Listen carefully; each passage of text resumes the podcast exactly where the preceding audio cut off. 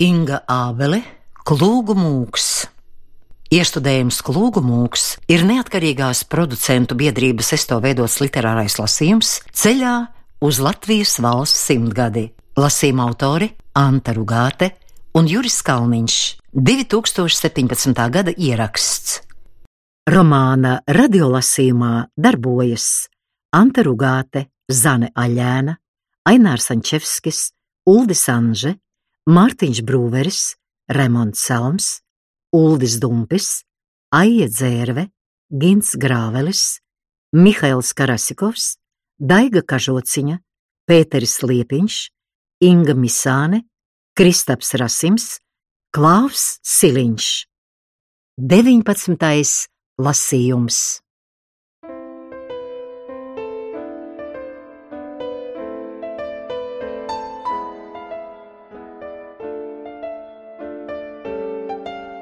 Īsi pēc pulkstens septiņiem no rīta vilciens ar skaļu grūdienu apstāja Reizeknas stacijā. Terēze atver acis. Ainava aiz loga ir sastingusi. Pavadonis iznēsā karstu, stipru tēju. Pasažieris taipās, tver pie saburzītajām sejām un vaļīgajiem kaklasaišu mezgliem. Francis Sebalts ar savu svītu ir pārbraucis gala stacijā. Terēza pēc pusnakts piemiga tāpat kā tie citi Silta, čīkstoša vagona tumsa viņus pamazām ietina savā maigumā. Visu nakti viņa pavadīja pusnomodā, kur akls miegs mijās ar ātriem sapņiem vai saplosītiem nomoda brīžiem, kad plaksti paši no sevis atsviedās vaļā, kā atsperu lelei, un acīs atspīdēja atkal jauni ļaužu pulki, atkal jaunā stacijā. Tā bija kā saraustīta vigīlija, uz kuru aicināja pie sliedēm sakurtie vāķētāji ugunskuri, sveces un nakts sardzi uz ceļiem. Vilciens stenēdams un grūti pūzdams rāpās pāri Latvijas augstienei, kur pie reizeknes to sagaidīs sārts, burvības pilns rīts. Drebinādamās spirktajā aprīļa gaisā, Terēze izkāpj uz ledēnā perona un palaiž Hektoru izskrieties. Terēzi uzrunā ģenerālis Bergs, kurš arī ir nolēmis izlocīt kājas, turēdams rokā kūpošu tējas glāzi. Sveicināti! Kāds jauks sunītis. Kas tā par šķirni? Tas ir vests no Romas. No Romas, varbūt no paša pāvesta. Terēze savelk ciešāk mēteļa apakli un aizdomīgi palūkojas savā vienaudzī. Taču viņa skarbajā kara noguruma izvagotajā sejā, virs kuras divus asus spārnus pleš platas izacis, nav nemiņas no ironijas. Ģenerālis taču nezina, kas ir Terēze Augustīna Sokolovska un arī to ne, ka šis mazais, gandrīz caurspīdīgais suns ir mirušā vistuvākā dvēsele. Tā nav vēlme izsmiet, tikai skaists pavasara rīts, kas kā no kristāla krūkas pār izvārgušajiem nakts ceļiniekiem laista savu dzirkstošo prieku. Dzīvības spēks, kas mirstīgajiem ļauj pārdzīvot karus un nāvi. Tāpēc Terēza pasmaida ar acīm vienu un lakoniski paskaidro. Tā ir dāvana no pāvesta Nuncija Cukini.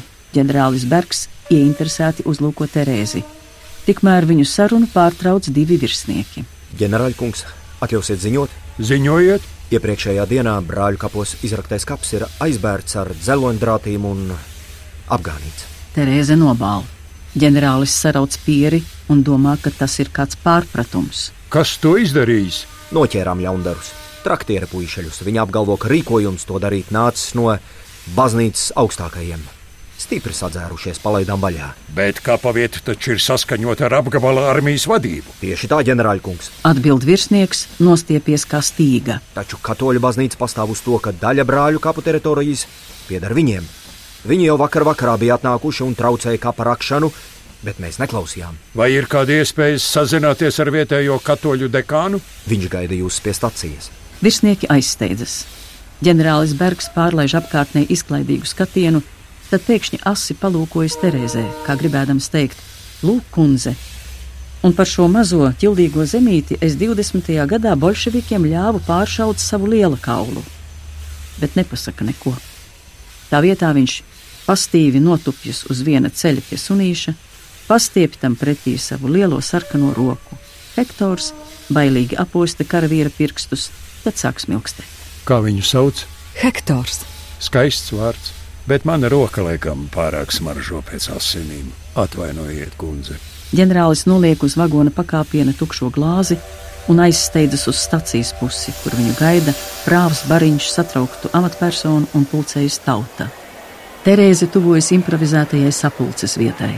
Reizeknas dekāns prāvests vilkums stāv pūļa vidū, slauka savas japāņu kristāla brilles kabatas lakatiņā un nevar vien izslaucīt. Ceļ pret lecošo sauli, bet tās aizvien nav gana tīras. Ar šo nervozo kustību viņš it kā grib norobežoties no nepatīkamā baltiešu ģenerāļa, kurš nesaprot vienkāršas lietas. Svētā krēsla koncils aizliedzis. Katoļu, katoļu pusē nedrīkst. Kaparacējs kāruši tieši katoļu daļu. Kur tad drīkst? Ģenerālis Bergs vaicā tieši. Vilkums beidzot uzliek brilles un īgni apskata ģenerāli. Glabājiet ciskodu draudzes kapos. Laipni lūdzu, te būs attiecīga oficiāla atļauja. Vilkums patiesi izņem no mēteļa iekškabatas pārlocītu papīra lapu. Ģenerālis kopā ar valdības pārstāvjiem to izlasa. Melns uz balta tur ir oficiāla atļauja glabāt Franci Kolnasolas kapos ar visiem kūrijas kungu parakstiem. Saka, ja jau esat atvilkuši sebalda miesas uz Latgolu, tad vēl ciet tālāk prom no Latgolas sirds. Tiek darīts viss, lai novērstu sebalda paglabāšanu Reizeknē. Nosarcis iesaucas garākais no Unitas Latvijas studentiem. Pareizi! Tas atgrūdīs no baznīcas Latvijas inteligenci uz ilgiem gadiem. Vai jūs, dekāna kungs, kā domājošs cilvēks, varat samierināties ar dzeloņdrātīm aizbērtu Sebalda kapa vietu? Viņš taču savā mūža laikā izdarīs vairāk Latvijas, Latvijas un baznīcas labā nekā jebkurš cits. Prāvests neatbild. Viņa skatiens atduras pret brīļu stikliem un atstaro atpakaļ nodurtajās acīs. Vilkums burza rokās oficiālo atļauju, rūpīgi pārloka divas reizes un ieliek atpakaļ kabatā.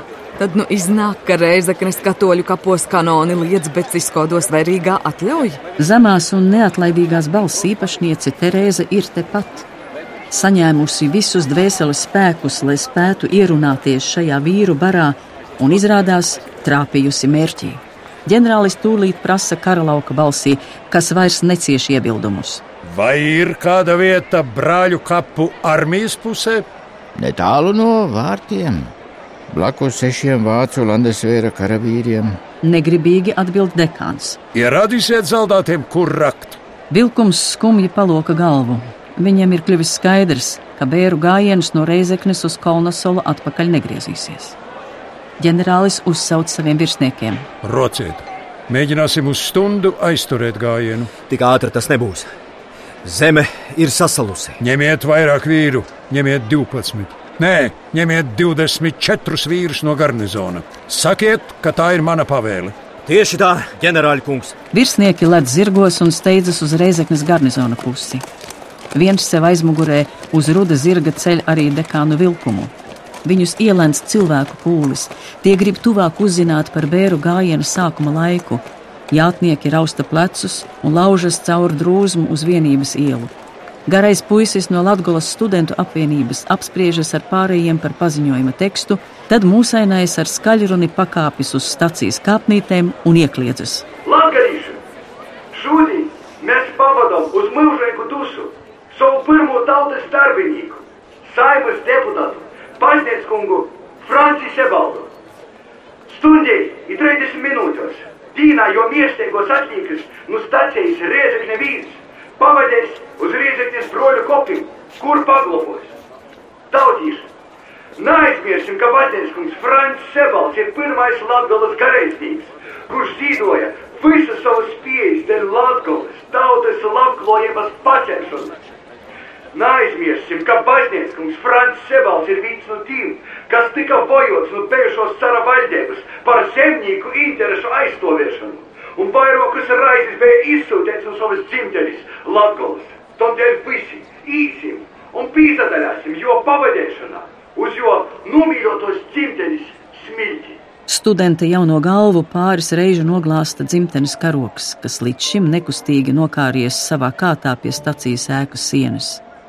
Saule jau uzsildījusi gaisa slāņus, tiem līdzi atbrīvojušies sarkanbaltie karogi. Students domās nogrimis atvaira karoga glāstu ar plaukstu un piebilst. Mūžīgu dusēšanu tev, nanūkurstošais tautas darbinīgs, savas dzimtenes smiltīs. Viņš paceļ acis uz pūli, bet viņā vairs neviens neklausās. Ar metālisku žļarkstu laukuma otrā pusē tiek atrautas pēdējā vagona dzelzs durvis. Sebalda zārku no ledainās tumsas izrauj uzvarošs saules stars. Gar vilciena sastāvu sāk virpināties gara pavadītāju rinda. Terēze stāv viena pati laukuma vidū, ar roku pie pieres. Uz brīdi viņai sagriezusies galva. Viņa neatceras, cik dienu jau nav, nav neko kārtīgu ēdusi, tikai dzērusi melnu stipru tēju no rītiem. Cik dienu jau apkārt ir cilvēki, cilvēku purvs. Uz stiebru kakliem dīkst saraudātas sejas, žļurkst miklas acis, tumst akaču skatieni. Tik daudz cilvēku apkārt, cik visu dzīvi varbūt nav redzēts. Lūk, arī tagad, pirmīt mūsainā studenta spalgā aizlūstošā balsī izkliegtā runa uz stacijas kapnītēm. Tāda ģenerāļa Berga ass, īss, pavēles rejiens, un tiek atrautas vagona durvis. Šķirstā guļ Francis. Saules gaisma zārku aprok vienā mirklī kā vezums smagas dzeltenas vilnas. Ļaudis spurdz apkārt kā putni, kārtojas kāšos, līdz apjoš Terēzi kā čūska līkumu līkumiem garā rindā. Viņa ir pagurusi tam visam izsakot. Viņa stāv, gandrīz jau vairs nestāv, bet tas ir ģībonis viņa prāto. Šī levitācija it kā nesaļemt viņa gatavotos, bet tieši otrādi būtu pacēlusies metru virs zemes. Viņa dodas uz vilcienu garām ģenerālim Bergam. Pie ģenerāļa tobrīd pienāk viņa sieva, Somiete Kaisa Kuitunena un meita Viktorija. Abas dāmas ir skumjām sejām un tērptas melnā. Nakts vilciens no Rīgas arī viņus ir nogurdinājis. Kaisa tuvojas savam vīram. Viņš apskauj viņu un paslēpjas kaujās. Terēze skatās neatņemdamās, rī ar acīm šo ainu, cik vienkārši tas mēdz notikt starp cilvēkiem. Sieva tuvojas savam vīram, viņš apskauj sievu Viņa atspiež pieri pret vīra raupjo mundieri un ieelpo pazīstamo mierinošo smaržu. Meita visbeidzot apķer abus. Divas slaidas rokas kā mežģīņu grīstas apmestama viņu pleciem. Tad ģimene izšķiras. Ģenerāli aizsauc adjutants. Kaisa un Viktorija paliek gaidīt notikuma turpinājumu. Tik vienkāršas dzīves. Terēza bezpalīdzīgi nolūkojas uz šķirsta pusi. Franci viņa vairs nevar aizsniegt, un nekad nav varējusi tā cilvēciski apskaut. Viņus vienmēr šķīrušas tumsas aizas un vienojuši gaismas gadi. Saule pat labam sāk īsti kveldēt. Terēze atraisa apakli un atspiežas pret vagona sienu. Pāri pilsētai kliegdami laižas gājputni. Viņa dzird putnus gaisā, kliedzam un ļaudis uz zemes runājam. Skolotāji pats redzēju, kā zaldātiņi no garnizona pirmīt aizskrēja uz leju, lāpstas pa zemi vilkdami. Rakšot tamā katoļu kapu daļā, kur glabājami pirms kristības nomiruši bērni un tam līdzīgi izņēmumi. Nepļāpā Vinca, raks brāļu kapos, armijas daļā. Par ko viņu diesa šitā? Vai tad tu nedzirdēji izslēgšanas rakstu? Mūsu vecais prāvests rudenī nenolasīja. Parādīja gan, bet atmeta ar roku. Ko? atstāja bez ievērības. Par to Rīgas kungi viņu varēja aizsūtīt uz kādu gadu klosterī grēkus nožēlot. Tas lielais grēks un pārkāpums esot saimnieces jaunākas par sevi pašu turēšana. Es jau vienmēr esmu teicis, ka priesteru ceistība ir atceļama. Padomā pats, kādas asinis iet postā. Mūsu labākā suga un viņi paši, Rīgas baznīcas kundziņi, svētīti grēcinieki, sēž savos grēksūdzes krēslos un piedod grēkus daudz mazākiem grēciniekiem. Tik vien viņiem ciešanas no saviem savārītiem skandāliem, kā pārcelšana no grēku vietas uz kādu nabaga draugu. Visi sačukstas, draudzē runā, kurijas kungi zina, bet neviens par to netiek padzīts no baznīcas. Ko tu teklīt apsūdz? Baznīcas kungi tādi paši cilvēki ar tādām pašām ziņām un vājībām kā mēs. Tu vari būt ar ziņām un vājībām. Ne jau es, Sebalda dzīvē tādu skandālu nebija. Bet no baznīcas viņu padzina ar skaļu negodu. Viņš esot teicis tā, baznīcā es arhibīskapam bučoju roku, bet politikā mani tauta ir vēlējusi, un es esmu no viņa neatkarīgs. Es tā gribu, un tā lai paliek. Bet ko viņš saka, tas man nav no svara. Jā, Tur jau tā lieta. Arhibīskapam viņam mugurkauls bija par taisnu. Terēze caur pievērtiem plakstiem skatās saulē, ļaudama tai pārskaitīt vasaras raibumus uz deguna. No stacijas puses pēkšņi atskan sēru marša skaņas. Spalgi ierējas Hektors, Terēze nesaprot, vai uz brīdi ir piemigusi vai aizdomājusies, bet atgriešanās realitātē ir tāda, it kā viņa nāktu šeit atpakaļ uz zemes pēc simt tūkstošu gadiem. Vēl aizvien ir 11. aprīlis. Zem pleca plaisā vagona karstais, saulē sasilušais sānis, pie saites dreb Hektors, bet Francis ir miris. Tas ir ilgs mūžību, un ilgs vēl viena mūžība. Viņas galvā iesperas doma kā traks kumeļš. Ja pasaule ir mūžīga, nevis radīta, tad radītāja nav. Terēza strauji atžirkst no savas grēcīgās sapņainības, pārmet krustu un klusi sāk skaitīt psalmu.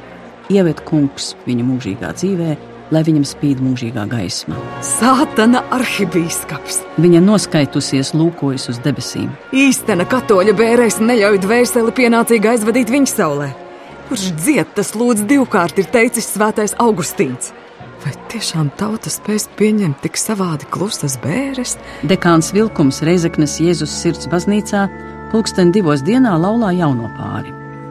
Līgava ir tvirts jauns bērziņš, tērpta baltā smalkvilnas kleitā, visbuļu zilām acīm un zaļu miršu vainadziņu galvā. Jaunavis tuvumā stāv līgavainis, plecīgs zemnieku puisis, pirms baznīcā braukšanas mātes apcirpts kā bucins. Deg sveces, rūc ērģelis, ka vai jumts ceļas augšā un dreb logi. Līgavas tēvs nav žēlojis lieku rubli ērģelnieka plaukstā, un ērģelnieks nu spiež uz visiem basiem. Uz svarīgo brīdi baznīcā savraukusi vai visa sola, te pēkšņi Līgavas krustēvs Seimans ieskrien starp viņiem saugdams. Nāk! Sebaldu uz kapiem ved! Ērģeļu skaņas pārtrūkst. Daži kāzu viesi metas uz baznīcas sliekšņa, noskatīties bēru gājienā. No Reizeknas upes ielas šurp plūst armijas sēru marša skaņas. Gājiens izstiepjas pār tiltu, tam seko katafalks ar sebalda mirstīgo miesu. Pret baznīcas kalnu jau lokās garas gājēju rindas. Valsts un pašvaldību iestāžu skolu, biedrību un organizāciju delegāti nes vainagus un puķus. Vilkums saspringst. Pirms pārdesmit gadiem šī baznīca bijusi Sebalda darba lauks. Piektajā gadā viņš te bijis par dekānu, sastajā no šejienes aizgājis uz Krievijas pirmo domu par domnieku. Daudzus šajā baznīcā kristīs un laulājis, daudzus no šejienes izvadījis pēdējā gaitā. Viņš var sadomāt šajā baznīcā atgriezties. Paldies tam kungam! Svētie raksti jau nolasīti, jaunlaulāties prediķī krietni sabārti un grēkus izsūdzējuši, atlicis salauzāt, un dekāns aizgūtnēm ķeras pie darba, uzsauc jaunajiem, pārkliegdams nemieru baznīcā. Onu pri un domicēlē! Vai jūs labprātīgi un pēc savas sirds aicinājuma gribat doties laulībā? Vai esat gatavi visu mūžu viens otru mīlēt un cienīt, vai esat gatavi laulības dzīvē saņemt dieva svētību? Tas ir bērnus un audzināt tos pēc baznīcas likuma.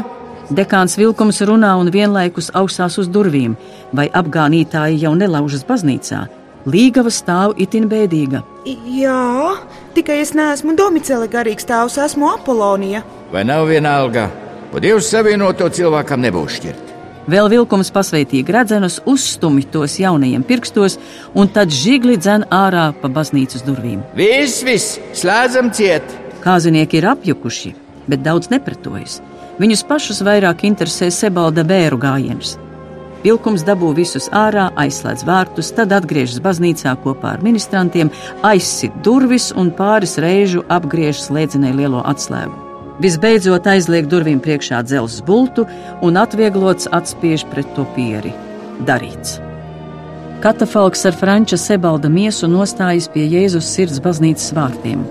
Vārti ir aizslēgti, durvis aizbultētas. Pavadītāju pūlis savalkas kā tumšs dzīvesudrabs ap baznīcas mūra žogu. Reizeknē par dekānu un probošķu kalpojot tikai vienu gadu, Francis paspējis apmūrēt šo žogu tēstiem akmeņiem, uzlikt treliņus, salabot baznīcas fundamentu no dienvidu rietumu puses.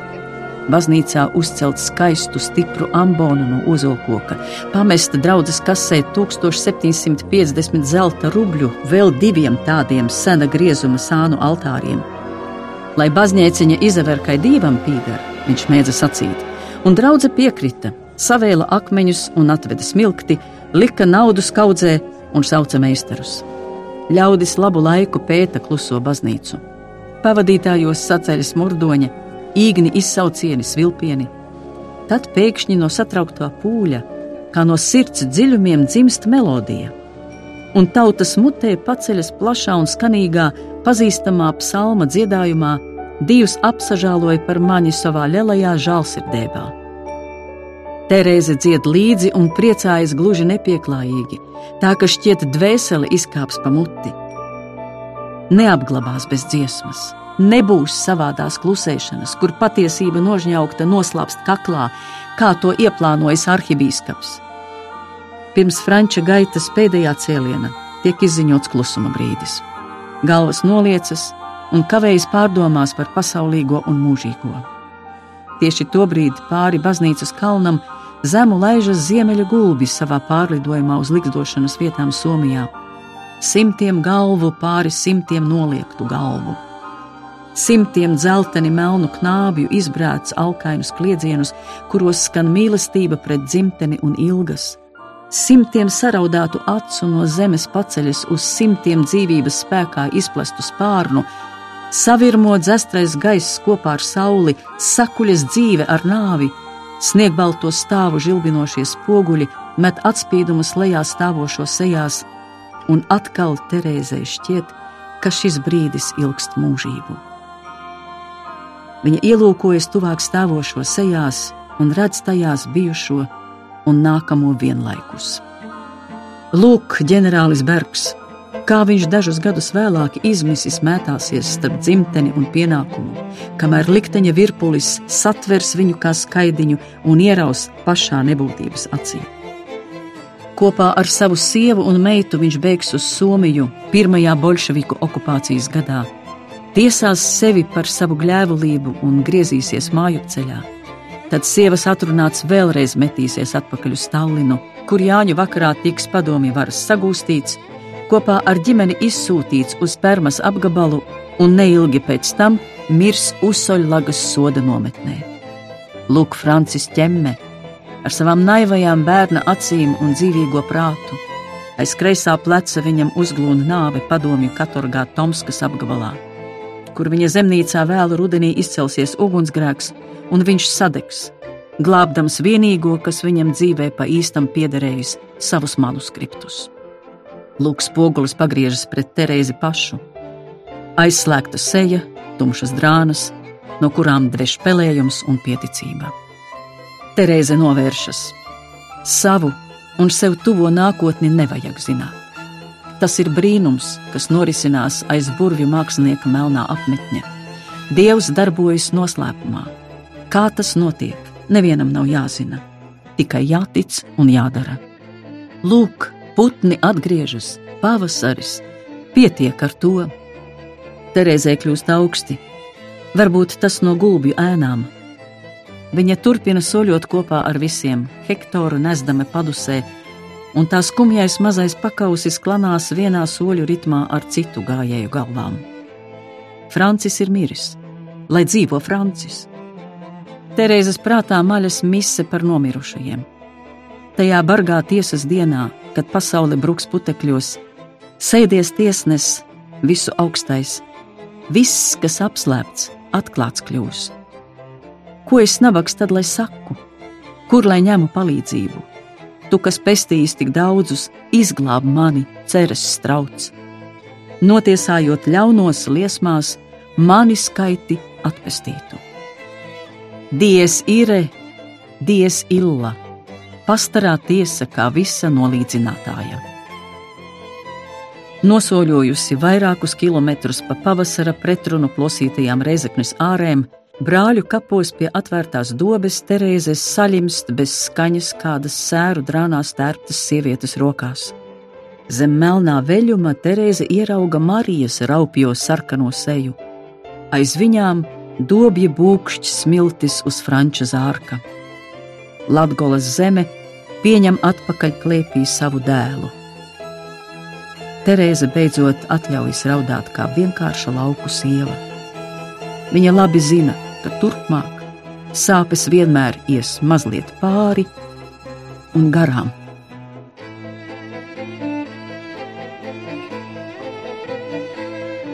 Groži tiek stingri pievilkti un bēris nostāja ceļmalā. Braukdami pa Rēzaknes šoseju ceļinieki apstājušies pie atjaunotā klūgu krista. Bumbas izrautā bedra ir aizlīdzināta. Tagad tas ir kārtīgs krucifiks ar skaistu greptu priedes koka mūku.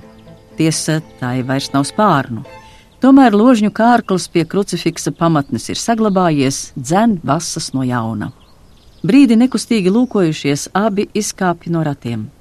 Mazais jēzups ar piedurkni notrauš no pakauša cepuri un ilgi skaita lūkšanu. Pēc tam nokrīt pie krusta ceļos, kā reiz sen atpakaļ atgriezdamies tēva mājās, bija to darījis. Noliecas un skūpstīdams nokož gabalu zemes. Siekalas un asaras sajaucas ar pelēko smilti. Jēzus spļauda dubļus. Jēzub, kāpēc tu tā dari? Izbijusies jautā Marija. Jēzus pasmīn par neattapību. Acīm redzot, rokās es to vairs nevaru paņemt. Kāds tu tagad izskaties? Slaucīdama Jēzupas seju ar mutautu, viņa klusi rājas. Tā taču ir dzimtā zeme. Mēs ar tevi arī kādreiz būsim dubļi. Bet es domāju, mēs varbūt būsim debesis. Iespītīgi saka Marija. Jēzus smagi pieceļas kājās. Tagad viņš cerīgi skatās uz Mariju. Apskauj viņu ar saviem roku stumbiņiem un glāsta apaļīgo vēderu. Bez dēla nevar. To man tēvs pateica pēdējā tikšanās reizē. To tu dēliņ atceries, bez dēla dzīvē nevar, tā viņš sacīja. Kā tu domā, būs mums dēls? Būs mums dēls, būs debesis. To nu gan tikai viņš zina, kas mums būs. Marija pamāja uz klūgu mūku. Debesis virs krista ir zilas un vaļā. Zem debesīm nātrām aizaudzis ceļš uz mājām, ceļš uz vilku dobi. Abi cilvēki to noskata cerīgām acīm. Mūkas kārklis ir atkal no jauna salapojis. Kārklis ir kārklis, kārklu neviens nespēja uzveikt. Latgola ir klūgu stāsts, domā Jēzus tālāk braukdams. Nevelti balto vītolu sauc par māras koku, bet Latgolu par māras zemi. Jo kur vienu stumbru vējš izgāž, tur septiņas atvases ataug, bet lapas smalkas un greznas. Ja vidzeme viņa iztēlē līdzinās ozolam, kas cietiem zaru pirkstiem vienlīdz spēcīgi ieķēries mālā un debesīs, slēpjas brikšņainās gaujas gravās, ja kurzeme ir mastu priede, kas kailām saknēm rāpjas visaugstākajā kāpā, lai kā apburta raudzītos jūras zilā augstumā, bet stumbrs tai tik biezi noklāts ar medainas mizas šķēpelēm, ka arī ļaunāko no ļaunumiem uguni tā nicina. Ja zemgale ir ziedoša liepa, kas sēda līdzenuma vidū vai sirmas viensētas pagalmā, un tur savos matos rūcošu bišu vaņuku, līdzinādamās mātei ar baltu lakatiņu galvā, maizi klēpī un simtiem pasaku un stāstu uz mēles, tad Latgola nav nekas viens. Tā allaža un mūžam ir bijusi daudz, dzeraunēs, solās, saimēs. Tepat uzvārds nav katram savs, bet veselam ciemam viens – jo visi vīri tajā ciemā ir viena tēva dēli, un visiem dēliem zeme dalīta vienlīdzīgās šņorēs, sapīta kā no lūkiem. Klūgu pinumus var viegli lietot, tos var mazgāt un žāvēt, tos var atjaunot, bojātās vietas izņemot un aizpinot ar citām. No klūgām vēl aizvien darina šūpuļus un gaisa balonu grozus, jo lūki ir viegli kā putnu kauli ar gaisu serdē un atļauj viegli būt, viegli pieliekties viegli pārlaist nelaimi un neražu, viegli aizlidot sapņos un īstenībā. Klūgas ir lokanas un greznas kā latgaliešu prāti. Klūgas var nokapāt, bet nevar iznīcināt. Reizeknes Siņicina nabagmājā Jēzupa un Marijas ierašanās sola būt liels notikums. Nespējnieku nams ir ierīkots vecā krogā. Tiek vērti vārti, Nabadzīņi stājas apus takai un krustus mezdami, zemu klanās ienācējiem jau iepriekš padzirdējuši, ka veco Sebaldu Marcelu brauks apraudzīt dēls un vedekla. Marcela guļ palielā telpā, kas reiz bijusi kroga stadula. Gar sienām tēstas lāvas divos stāvos. Brašākie nabagi otrā stāvā, kuslie zemāk. Jēzupam lielas pūles sagādā tikt vaļā no skatītājiem. Jēzus izdzen vecos ārā un ar administrācijas ziņu aizliek stadulas divviru durvīm priekšā dzels skrampjus. Caur aizrastotajiem logiem klona putekļos krīt ieslīpas biezas saules laipas. Puse Marcelas vairs nav Marcela. Puse viņas atdusas piečurātos palagos, bet puse mētājas tajos kā gaļa. Viņas vienīgā acis skatās uz dēlu tik ilgi, kamēr sāk mirkšķināties, piepildās ar asarām, kas slīd pār grumbaino vaigu, bet Marcela ilgi nolūkojas uz Jēzu par roku stumbiņiem. Viņai tie atsauc atmiņā pestītāja rānas. Tu gribi teikt, ka jūties par to vainīga māte? Kad nesameklēji toreiz manu laimes krekliņu, neiedevi līdzi, un tad mani piemeklēja nelaime. Jēzus jautā lēni un pētoši. Marcela satraukti mirkšķina. Tu nekad nevari zināt lietas patiesos apstākļus. Marcela skatās un klausās savā kādreizējā divplaukstu bērniņā, bet nepazīst. Kā var būt tik liela un skaista seja, viņa domā? Varbūt tas ir Dievs, viņa domā. Ja viņš ir tik gudrs, tik liela un laba seja var būt vienīgi Dievam. Mēs nevaram atskatīties no nākotnes, kas vēl nav notikusi, un tā ir mūsu nepilnība. Šķiet, ka tas, kas notiek, ir slikts uz ļaunu, bet kamēr kāds lielāks spēks stāv klāt, viss notiek uz labu. Tikai izmisums mums traucē to ieraudzīt. Arī Marija klausās un brīnās, cik gudrs un maigs nu ir Jēzus. Toreiz, kad viņa to atrada tupam ar cepuri pie baznīcas, kad uzrunāja, viņš nemaz vairs neatgādināja cilvēku. Jā, nu viņa pati jau arī ne. Marija rūkti pasmīna. To pirmo reizi Marija pazina viņu tikai pēc sava amuleta.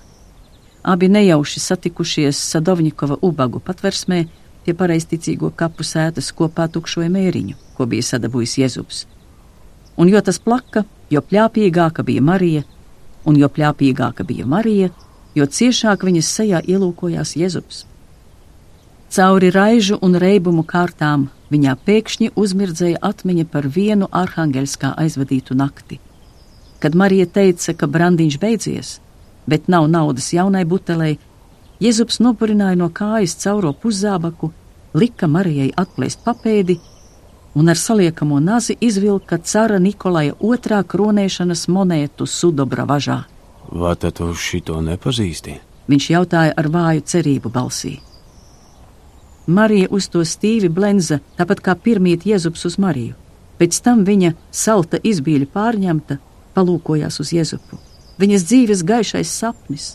Te nu bija staltais lidotājs, nedienu apkrimsts kā kauls, kā viņa roku apripējušie stumbeņi, bārdains vaigs, asinīm pielījušas acis, dvinga un utis. Zābakos tādas lietas nedrīkst glabāt. Marija monētu iebāza kabatā, sudabra važu samainīja pret zīda lakatu, raibām olām, maizi un vīnu, ko aiznesa Francim. Bet pēc varmācīgās grēksūdzes pie Franča viņai bija tā, it kā no pleciem būtu novēlusies nasta.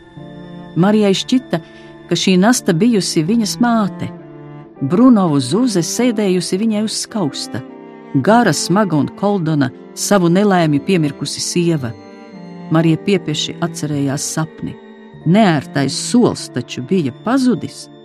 Jēzus bija ļāvis celties un iet. Marija tā arī bija izdarījusi cēlusies, gājusi un meklējusi Jēzupu. Kad Francis bija apbērēts, Marija pārvācās uz trūcīgo katoļu ļaužu patversmi Jersikas ielā un taujāja pēc Jēzupa. Viņš kā par spīti bija uz pāris dienām nozudis. Marija dirnēja pie lielā kalna ielas pareizticīgo baznīcas, slīpā ledainā lietūža ņaudzīdama dūrēs saņemtos īkšķus. Esi, lūdzu, atgriezies, nāc! Kādu pēcpusdienu Marija beidzot viņu ieraudzīja.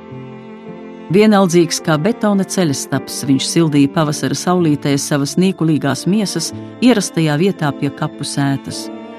Viņa piegāja klāt un otrais dzīvē sniedza viņam savu liktenīgo medaļonu, ar pirkstu galiem noglauzdama rētainos roku stumbeņus. Ticēt un darīt, un viss viņa atkārtoja franča vārdus.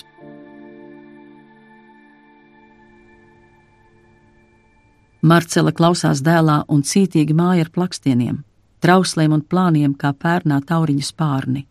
Viņa aplūko Mariju, kas ienāk viņas redzes lokā ar savu atturīgo smaidu.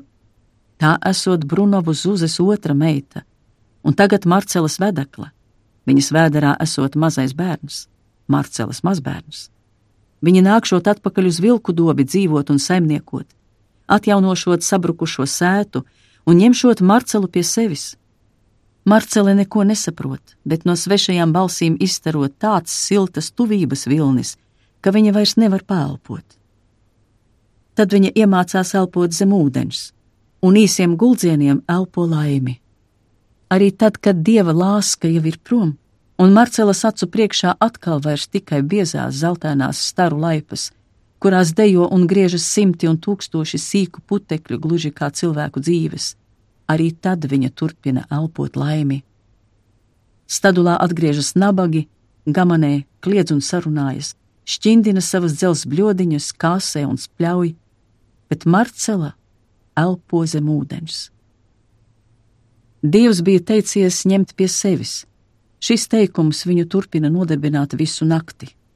Viņa desmitām reižu pārcilās savas dzīves sposabu, atminas blagu slavēšanu, iedomās sudno dienu, atrod visu kārtībā esam un mierīgu sirdi nomirst. Kā zīdainis, kas kaujas ar miegu, viņa pāris reižu krampjaini novicina sastrādāto roku gar seju, tad paļāvīgi laižas nezināmā dzelmē. Bet Jēzupa un Marijas ceļš tajā dienā ved tālāk, uz Viļņas žēlsirdīgo māsu klostera noviciātu Reizeknē. Viņiem ir jāgaida vēl stunda, līdz Terēze tiek brīva no pusdienas lūkšanas un rokdarbiem. Tad viņus iesauc vēsā, mikliem baltiem akmeņiem velvētā zālē, kur vidū garš ozolkoka galds. Tam ir taisna stūra forma, un pie tāda nekādi neizdodas apsēsties tuvu cits citam. Visam šeit ir pārlaicīgas formas Laiks te netiek ielaists. Ar katru lietu tiek uzsvērts, nemīļo, tam nav jēgas, nesaudzē, tāpat atņems, nepierodi pie siltuma, tāpat būs jānosalst.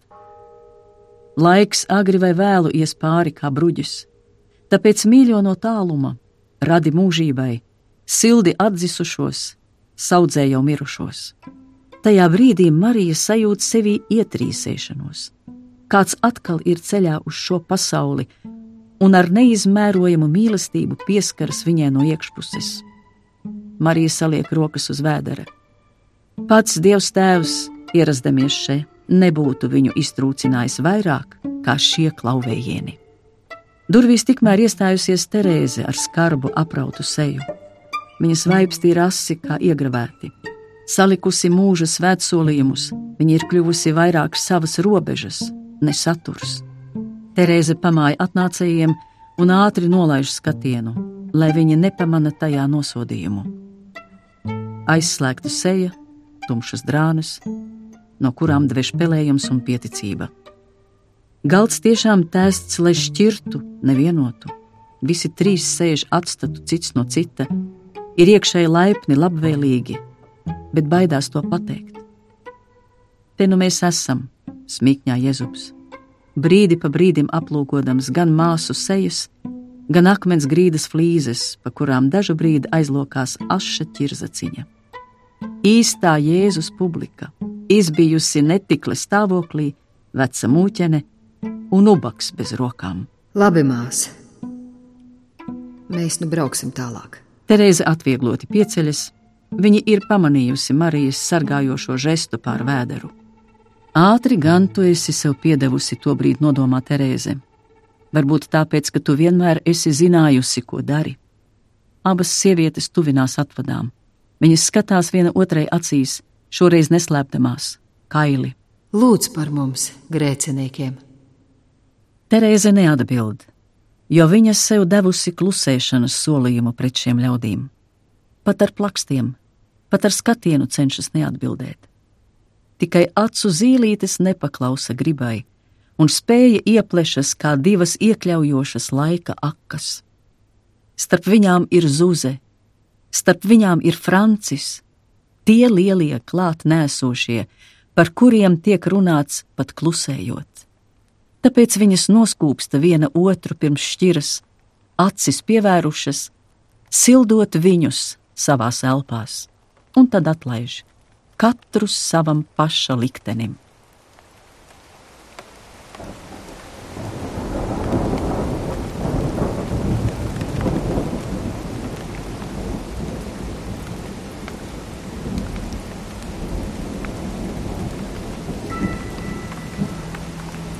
Reizeknas brāļu kapos nonāku izlijusi cauri slapjiem.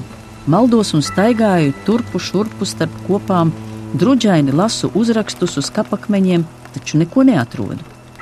Vēlreiz atpakaļ kalnā, augstajā krantī. Nekā, drīz satumsīs. Jau tagad varu izlasīt tikai lielākos uzrakstus. Vēlreiz nokāpju ielā. Kapi šķiet bezgalīgi, milzīgi. Arī pajautāt nav kam. Novembra dubļos un lietu kapos nevienam nav patiks maldīties. Lietus līst, čurkstēdams burzguļos pieminekļiem, krustiem, īstiem ziediem un plastmasas puķiem, es jau atmetu cerību un soļoju uz izēju. Pie kapu vārtiem pagriežu galvu pa labi un uz neliela uzkalna ieraugu ilgi meklēto uzrakstu. Satricināta un laimīga uzkāpju augurā pie liela piemiņas akmeņa, ko apstāv zaļu dzīvības koku goda sardze. Melnzemes laukumiņš kapakmeņa priekšā ir kails. Ne ziediņa, ne smildziņas. Tur stāv viena apdzisusi svece sarkanā plasmasas trauciņā ar metāla vāku. Es priecīgi sāku rakņāties somā, atrodu šķiltavas un aizdatu sveci. Lietus par laimi nav samērcējis dakti. Sveci čūkst un pīkst, tomēr uzņem liesmu un izgaismojas plaukstākā sirds. Uzstumju svecei bleķa cepurīti un nolieku atpakaļ uz augstās zemes. Ne tu dzēri, ne smēķēji, Franci. Es kādreiz smēķēju. No šī grēka pāri palicis labums. Redzi, man šajā slabidranķī ir uguns priekš tevis, mīļo Franci.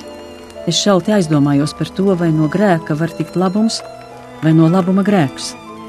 Nakts un ziemas tuvās nojausmas aizvien melnāk sabiezē pamalēs. Man laiks doties tālāk pie krustmātes, kura katru gadu treju ķieneņu dienā No jauna pārvelk uz istabas durvju stenderis ar nezināma senča roka uzkrāsotos baltos krustiņus. Krustmātes maize droši vien jau ir izcepusies. Skatos uz pieminekli un jūtu zem zābaku zolēm smalki, tikko manāmi elpojumu Latvijas zemi. Smidzina biezs, nerimtīgs lietus, jauc trūdus ar smilti, tur dusmāras koku pazemes vasas, tām jāpārziemo jāsakrāj saknēs dzīvības spēks. Kad pēc pusgada debesīs atkal atgriezīsies saule, pretī zīdaini šalkos neskaitāmu klūgu jaunās smalkās lapiņas.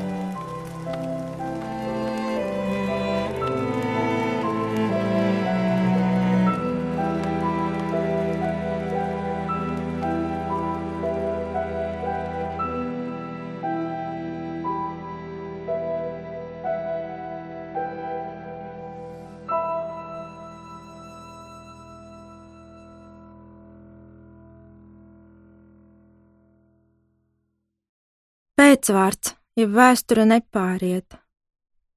Viss sākās ar Mikaļa Bukša grāmatu Latgaļu atmūda, idejas un cēņas.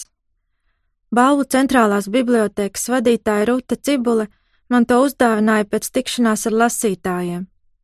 Jau biju sākusi interesēties par savas mammas dzimteni, Latgolu. Izlasīju Bukša izcilo grāmatu ar milzīgu interesi. Ainas manā iztēlē atdzīvojās, radīdams tādus kā uzliesmojumus. Latgolas kultūras centra izdevniecībai un Jānim Elksnim arī personīgi gribu teikt paldies par franču trasuna rakstu un runu stenogrammu apkopojumu trijos sējumos. Dižā valsts vīra darbi nav zuduši un nogrimuši aizmirstībā. Lasot šos rakstus, jutos kā trasuna spodro domu dārzā. Diemžēl laika gaitā daudz no viņa biogrāfijas ir zudis, Daudz varbūt speciāli pazudināts, bet mana cieņa un mīlestība pret Franci Trasonu ir ļāvusi iztēlē baltos laukumus aizpildīt un radīt Franci Sebaldu, manu pārdomu un izjūtu augli. Lidotājs Jēzus Baško manā romānā ir kalpojis par prototipu Franču Sebalda brāļa dēlam mazajam Jēzupam.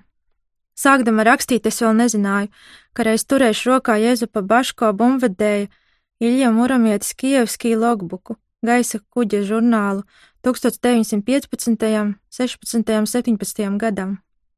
Jēzupam Baško gan bija pavisam cits dzīves noslēgums nekā romānam Mazajam Jēzupam, taču romāns ir daļdarbs, kas prasa savu loģiku. Izcilais lidotājs gan būtu pelnījis atsevišķu romānu par sevi. Un vēl viens neaizmirstams prāta un dvēseles piedzīvojums, protams, ir latgaļu valoda. Francim Trasunam taisnība, kad viņš saka, tāpat līdz šim ir bijusi maz ievērota vitapskiešu latviešu valoda. Tas gan ir taisnība, ka tā ir stipri maitāta un jaukta ar svešiem vārdiem, bet neskatoties uz to, mēs tur atrodam diezgan daudz tīru latviešu vārdu un formu, kurzemē un vidzemē vairs nepazīstamu. Kas likti pie vietas, var tikai veicināt latviešu valodas attīstību, kuplināšanu un nodibināšanu. Tagad, kad stipri noplicināta un jaukta ar svešiem vārdiem ir latviešu literārā valoda, latgaļu vārdi brīžam ir kā zelta birste, kas valodai noņem pelēko eļas krāsas virsmu. Ar prieku un pateicību Inga Ābele. Izskanēja Latgales Latviešu kongresa un Latvijas valsts simtgadē veltītais Inga Sābeles romāna Klūgu mūks, Latgales radio lieli ieskaņojuma, 19. nobeiguma lasījums. Romāna lasījumos darbojās Anta Rugāte, Zane Aļēna, Ainārs Sančevskis, Uldis Anže, Mārtiņš Brūveris, Indra Burkovska, Raimonds Selms, Uldis Dumpis, Aija Dzērve, Ernests Egliens, Mārtiņš Egliens, Gins Grāvelis, Juris Kalniņš, Mihails Karasikovs, Daiga Kažociņa, Jānis Kirmuška, Pēteris Liepiņš, Akvelīna Līumane, Inga Misāne, Frīda Moroza, Zigords Neimanis, Katrīna Pasternaka, Lidija Pupure, Kaspars Pūce, Kristaps Rasims, Artis Robežnieks, Klāvs Siliņš, Voldemārs Šoriņš, komponists Juris Vaivots, skāņu režisors Andrijs Krenbergs, režisors Juris Kalniņš, producente Ilona Rupaine. Ierakstīts Jura Potnieka studijā 2017. gadā. Iestudējums Klūgumūks ir neatkarīgās producentu biedrības esto veidots literārais lasījums ceļā uz Latvijas valsts simtgadi.